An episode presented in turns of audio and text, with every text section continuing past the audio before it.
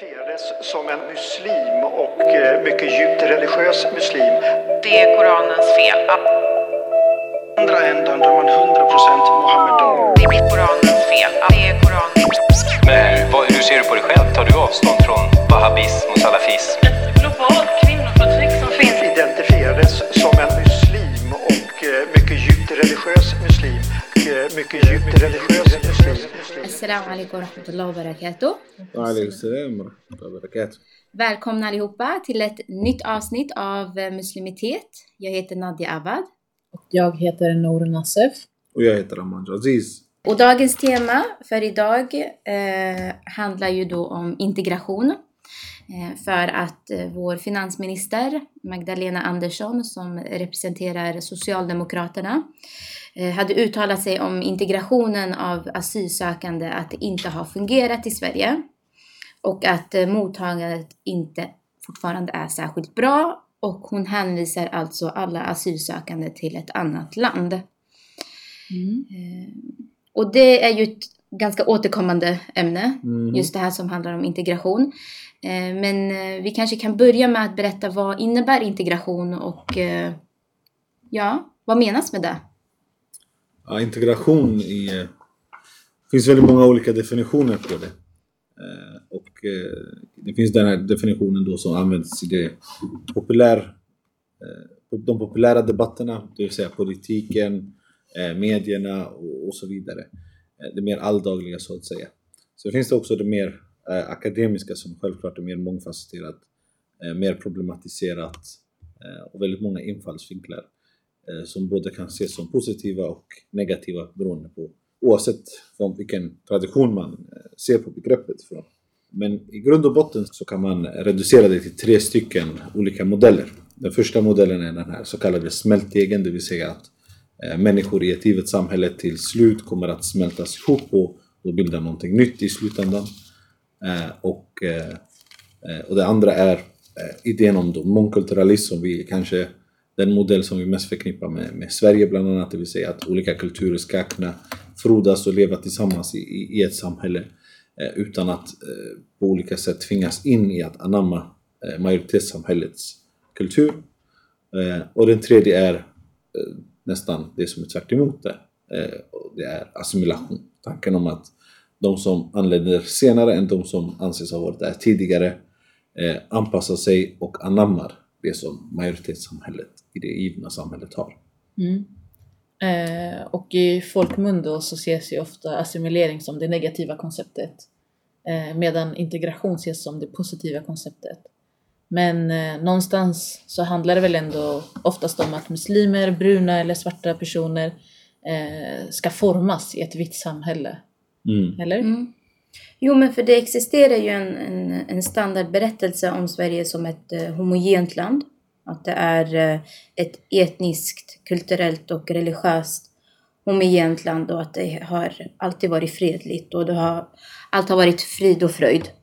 Och att alla har talat svenska i hemmen. Ehm, och sen har ju helt plötsligt den här vågen av invandringen berört det här lugnet och eh, enigheten.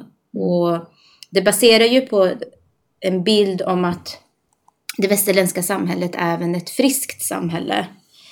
Eh, och att grupper som behöver integreras eh, ses som det friska samhällets patologiska förfall.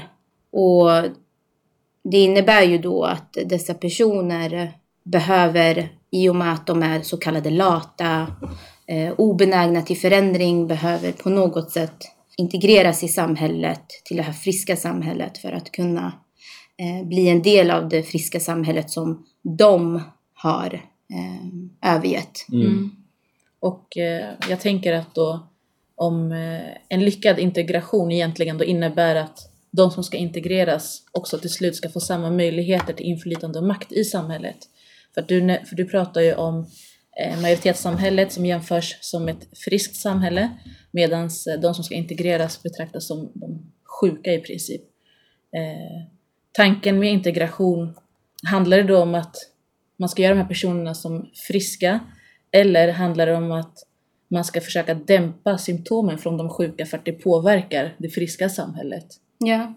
För det är det som är ganska intressant är att eh, egentligen så lever inte dessa eh, marginalmänniskor utanför samhället utan de har alltid funnits innanför det här samhället, innanför den här strukturen som har andrifierat de här varelser eh, till, till andra människor.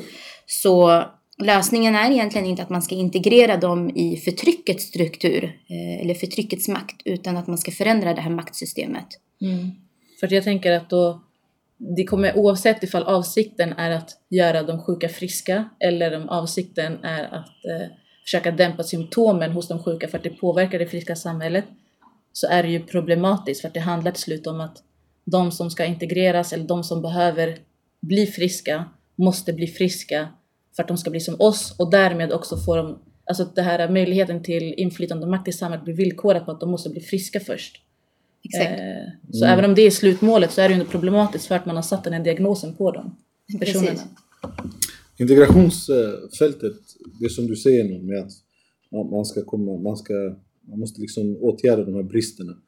Eh, integrationsfältet det blir så då, eller integrationspolitiken blir då någon slags korrigeringsbyrå. Eh, där när man anländer eller man anser sig ha anlänt till Sverige bör gå igenom. Eh, det som är intressant när vi kollar på just det här med att tillfriskna från det här stadiet av, av invandrarskap eller från icke-vithetskap. Men som du säger nu när det kommer till just det här med att man måste tillfriskna först innan man får möjlighet till makt och inflytande. Det är ju ett lite, en liten paradox för att Eh, genom att få makt och inflytande så innebär det också att man ska kunna vara sig själv. Men om man måste bli någon annan eller bli som någon annan innan man får det makt och inflytande så har man egentligen ingen makt och inflytande. Utan man har ju då tvingats in i att vara på ett visst sätt eh, för att kunna ens bete sig eh, som att man har makt och inflytande. Men det som är intressant när det gäller hela integrationsfältet i, i Sverige är att det är ett politikområde som politiker och myndigheter sällan tar ansvar för. Det vill säga att en av de lättaste sakerna man kan säga i det här samhället är att integrationspolitiken har misslyckats. Det är ett populistiskt tilltag som egentligen inte har något större värde eh, och det sägs från alla politiska läger eh, oavsett vilket läger man tillhör. Eh, och det sägs nästan varje val och det sägs mellan valen och det sägs då och då. Liksom det, det är inte någonting som på något sätt hindrar eh, själva eh, eller förfixar det som är söndrigt, det man menar är söndrigt. Eh, men istället då för att myndigheterna och politikerna tar ansvar för det så sker väldigt ofta ett offerklanderi. Det vill säga att man säger att bristerna hos de som ska integreras är så pass allvarliga och så pass grava att det, det är därför det har misslyckats. Vi har tillåtit de här människorna att fortsätta sin kultur, fortsätta sin destruktivitet, fortsätta eh, ha sin eh, religion och, och därför har integrationspolitiken misslyckats. Och integrationsbegreppet används synonymt väldigt ofta i den politiska debatten. Innebörden av det ofta är assimilation. Det är assimilering man åsyftar. Eh, och eh, mm. Och för det är ju sällan tydligt eh, vad man ska integreras till eller vad man ska integreras för. Eh, eller ja, helt, helt enkelt vad det är man egentligen behöver upphöra med att göra med för att betraktas som integration. Och jag tänker att den här integrationsprocessen, oavsett vilken metod eller vilket koncept som man anser är det korrekta, så sker det ju någonstans över en viss tid att det, att det finns en startpunkt och det finns en slutpunkt. Men eh, samtidigt så är startpunkten väldigt diffus. När börjar en persons integrationsprocess? Är det när person, en viss person kommer eller anländer till Sverige? Eller eh, måste man ha med sig ett visst antal generationer bakom sig som bott i Sverige för att eh, inte behöva ha en startpunkt för eh, integrationsprocess? Eh, och eh, när upphör då i så fall en integrationsprocess? När är man fulländad Mm. eh, i den här processen? Eh, och eh, ja, alltså det vi egentligen då som vi har diskuterat här tidigare då, eh, så handlar det om att det är en fråga om ras egentligen och inte någon slags, det syftar inte på ja, men när eller hur man har kommit till Sverige. Eller? Alltså ett av de tydligaste exemplen på just det du säger om ras, det är det här med språk. Det vill säga i Sverige fokuserar vi, ett tag hade vi även liksom att språktester skulle vara ett krav eller ett villkor för medborgarskap och så vidare. Eh, och det här med språk eh, ser vi från andra länder. Vi ser att eh, till exempel länder som Storbritannien och Frankrike där deras så kallade in- invandringsbefolkning hade språket med sig när de kom till landet. Det vill säga De som invandrade till, till Frankrike från, från de forna kolonierna kunde redan franska och på samma sätt i Storbritannien så kunde de redan engelska. Men i de länderna är det fortfarande väldigt, väldigt aktivt och väldigt aktuellt med, med diskussioner och debatter kring integration. Och även där ser man saker som eh, integrationen har misslyckats. I England pratar man om social cohesion och att social cohesion då är en, är en, eh, har misslyckats och att man då inte har någon slags eh, egentligen eh, nått de resultaten som man åsyftade. Alltså integrationspolitiken i helhet är det, det bästa exemplet på hur i Sverige vi pratar om ras utan att någonsin nämna ras. Mm. Men innebär det inte då också att eh, om man kollar på, eh, på integrationsbegreppets eh, sanna innebörd ifall man, ifall man eh, ja, men trär av de här olika eh, politiska ideologiska lagren som då eh, integrationsbegreppet består av idag. Alltså, så menar ju egentligen integrationsbegreppet, det du nämnde i början Amanda, att det är olika delar som sammanfogas till en större enhet. Eh, men om vi kollar på den politiska innebörden av integrationsbegreppet idag så menar man ju egentligen assimilation. Mhm. Och att egentligen, även om man skulle mena det som du nämnde förut Nour, att om man eh, menar någonting gott egentligen med integration, att man kan inte ta eh, bort den politiska innebörden av vad integrationsbegreppet är idag, kopplat till ras helt enkelt. Mm. Och, att, och att man bör då prata om, om fenomenet på ett annat sätt. Absolut. Eh, och eh, det är verkligen det här då med att, som jag nämnde tidigare, att är slutmålet med integration att de som behöver integreras eh, ska få samma möjlighet till inflytande och makt i samhället. Om det är så så är det problematiskt eftersom att det villkoras. Men om man har det målet för integration så måste det då ändå till slut också vara då lika centralt att också prata om hur man ska upphöra med institutionell rasism i integrationsprocessen. Eh, för, och det är det ju aldrig. Det är aldrig lika centralt att prata om det om, eh, när man pratar om integration. Men för att återkoppla då till det Aman sa så blir det alltid någon annans fel att integrationspolitiken misslyckas. Eh, och att ansträngningarna för att skapa en så kallad lyckad integration förväntas alltid komma från ett håll. Och det är alltid de då som behöver integreras eh, som de här ansträngningarna ska komma ifrån. För att koppla vidare till det, det som ni pratar om när det kommer till ras. Eh, det finns en debatt just nu som pågår eh, kring integration. Eh, när det kommer speciellt till nyanlända eh, som också blir eh, utvisade. Som får sina ansökningar nekade. Och som har ansökt baserat på bland annat att de har konverterat till kristendom. Och de inte tas seriöst utan de ifrågasätts som att de inte har läst bibeln, att de inte har konverterat till kristendom på riktigt eh, och så vidare. Eh, och här, finns någonting som vi måste lära både från historien men också någonting som vi kan koppla till en större diskussion som ni båda två har tagit upp här. Eh, dels så är det tanken om att integrationsprocessen kommer alltid fortsätta. För att när du väl anses vara integrerad så kommer du vara den som har blivit integrerad. Så skillnaden mellan de som inte behövde integreras och de som integrerades kommer fortfarande vara kvar. Så istället för att då ha invandrare och svenskar så kommer det istället vara de som har integrerats och de som inte behövde integreras.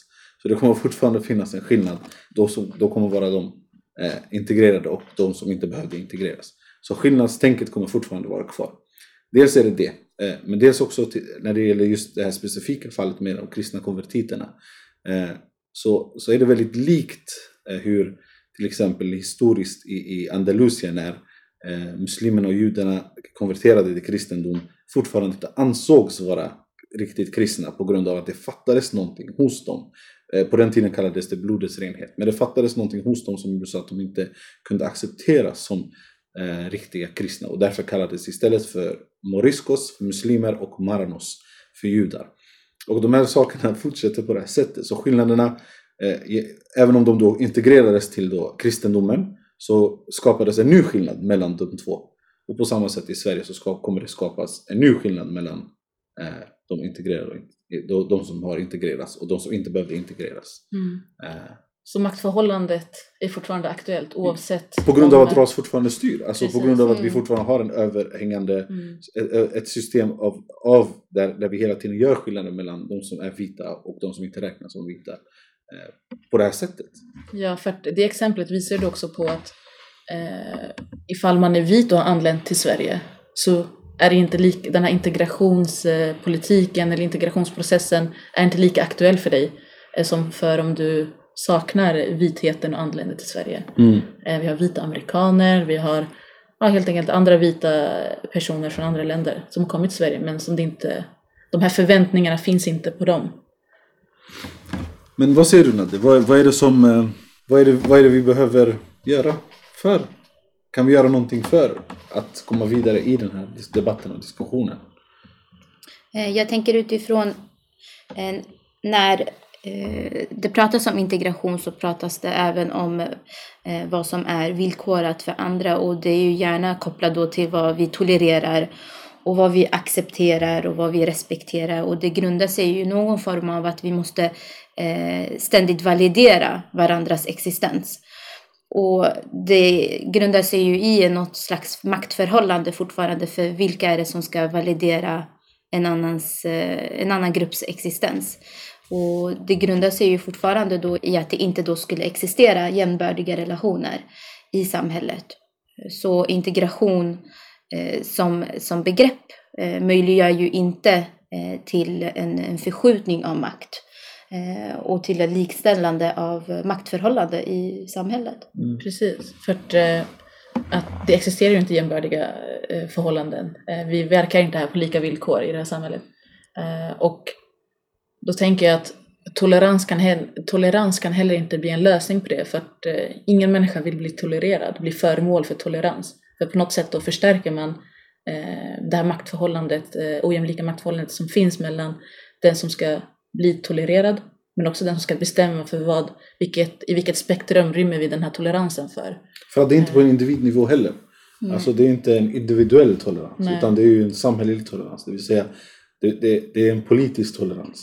Det, är- klar, självklart kan jag ha, jag är till exempel laktosintolerant, det är liksom individuellt för mig. Men när det kommer till ett samhälle så är den eh, innebörden av tolerans när det blir politiskt på en helt annan nivå. Vem som har, vem som har den politiska makten att säga att det här är okej och det här är inte okej. Mm. Och därför har ju det här perspektivet institutionaliserats för att vi ser ju eh, att denna bild har ju vårdats av våra myndigheter och förmedlats i skolundervisningen och utgjorts liksom utgångspunkt för många forskningsprojekt som grundar sig i någon form av ja, undersökning i hur vi ska eh, se på omvandlingen av Sverige.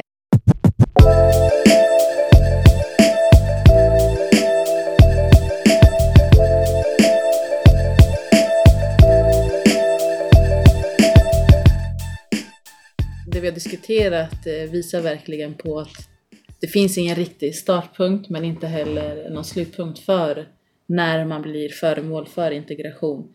Jag har min mormor till exempel som kom till Sverige från Finland när hon var 17 år och eh, fick då barn här i Sverige, det vill säga min mamma och eh, uppfostrade de barnen här i Sverige. Och när hon var på BVC så uppmanade läkaren henne att inte prata finska med sina barn för då skulle barnen inte lära sig svenska. Eh, och i skolorna så var det förbjudet att prata finska också. Man kunde få kvarsittning eller någon sån här noteringslapp hem till föräldrarna att barnet har pratat finska i skolan. Eh, sen tänker jag även då på det här att eh, jag kanske då betraktas som den tredje generationens invandrare eh, och man är fortfarande föremål för integration. Så varken jag, min mamma eller min mormor betraktas som integrerade ännu. Grejen är att när jag var liten så var Bergsjön ofta föremål för, eh, eller där jag bor fortfarande, och där var föremål för väldigt mycket av olika insatser.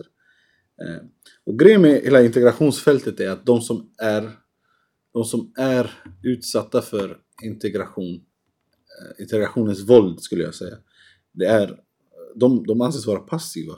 Passiva förvandling, förvandlingsföremål av något slag. Där man hela tiden förväntas att bara acceptera det som kommer utifrån och liksom ta emot och vara liksom till och med tacksam för det som ges möjligheten till dig. Eh, jag kommer ihåg att när jag fastade, när jag gick i tvåan och eh, jag fastade i hemlighet för mina föräldrar ville inte att jag skulle fasta. Eh, de tyckte att jag var för liten på den tiden. Men när vi skulle gå till matsalen, Bamba som det heter i Göteborg, så stoppade läraren mig och liksom lät allihopa gå ut och sen stoppade läraren mig i klassrummet och sa till mig du, eh, du, kan, eh, du kan gå och äta, jag kommer inte säga någonting till dina föräldrar. Eh, och då, då blev jag lite så här chockad. Varför lär den här läraren mig att ljuga för mina föräldrar? Det var hennes sätt att på något sätt vara välvillig. Eh, hjälpa mig för att hon hade också en bild av mina föräldrar som ointegrerade, som inte förstående. Och att hon då ville hjälpa mig att i alla fall den generationen jag tillhörde då skulle på något sätt komma in i samhället. Eh, och jag kommer ihåg, hon, hon sa det flera gånger. Gå du och ät. Gå, eh, gå du och ät. Jag kommer inte säga någonting. Jag åt inte. Alhamdulillah, tack och lov den dagen. Jag stod emot. Eh, Men andra dagar åt du. Nej faktiskt, jag var ganska bra där Ramadan faktiskt. Det var ändå under, vintern tiden så det var inte så farligt Ja. på den tiden. Så att, ja, det var, det var, men det är det jag kommer ihåg. Alltså, så finns det jättemycket så här, hur vi tvingades in i så här, olika julspel och hur vi togs till olika så här, museum. Eh, där det var väldigt så här, fokuserat just på så här, att, att bli någonting. Eh, där det inte var liksom bara så här, vanliga utställningar och så. Men ja, det, jag tror många vet. De, de som är utsatta för integration vet Ja. vad integrationens våld är för någonting. Absolut. Absolut. Eh, Jag kan ta en händelse som hände faktiskt på en arbetsplats. Det diskuterades om vart vi skulle vara på after work.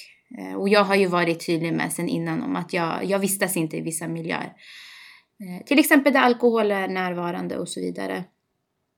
Och sen så i eh, fikarummet så diskuterades om vart vi skulle vara och så kläcker en kollega en kommentar om att eh, vi ska sitta på en bar för att Nadja behöver integreras. Och sen fanns det lite skratt här och där. Och i en sån situation när man befinner sig på en arbetsplats så kan det vara ganska svårt att ta det rasistiska samtalet Mm. med kollegor. För att det är kollegor som man arbetar intensivt med och man träffar dem varje dag. Och, det kan lätt hända att på grund av vit ömtålighet att eh, vita personer gärna, gärna tar det väldigt, väldigt, väldigt personligt och väldigt hårt. Det när sprider man- dålig stämning helt enkelt. det sprider dåliga stäm- en dålig stämning för man anses ju också vara ja, men, eh, svartskallen som alltid ska prata om rasism och eh, försöka alltid liksom Och det var bara politisera skämt. Och, saker. Men precis, så det, så det var väldigt svårt för mig att adressera det men det är ett utav exempel på hur man eh, faktiskt på ett ganska direkt Ja, sätt verkligen. blir, eh, blir ett integrationsobjekt. Mm. Med det sagt. Så var det dagens avsnitt. Mhm. Lyssna vidare gärna. Ja. Eh, och eh, på återseende, inshallah. Eh, Mycket djupt religiös muslim. rahmatullah. Det är Koranens fel. andra ändan där man 100% Mohammedan. Det är Koranens fel. Det är Koranens Men hur, vad, hur ser du på dig själv? Tar du avstånd från wahhabism och salafism? Ett globalt kvinnoförtryck som finns identifierades som en muslim och mycket djupt religiös muslim mycket, mycket djupt religiös.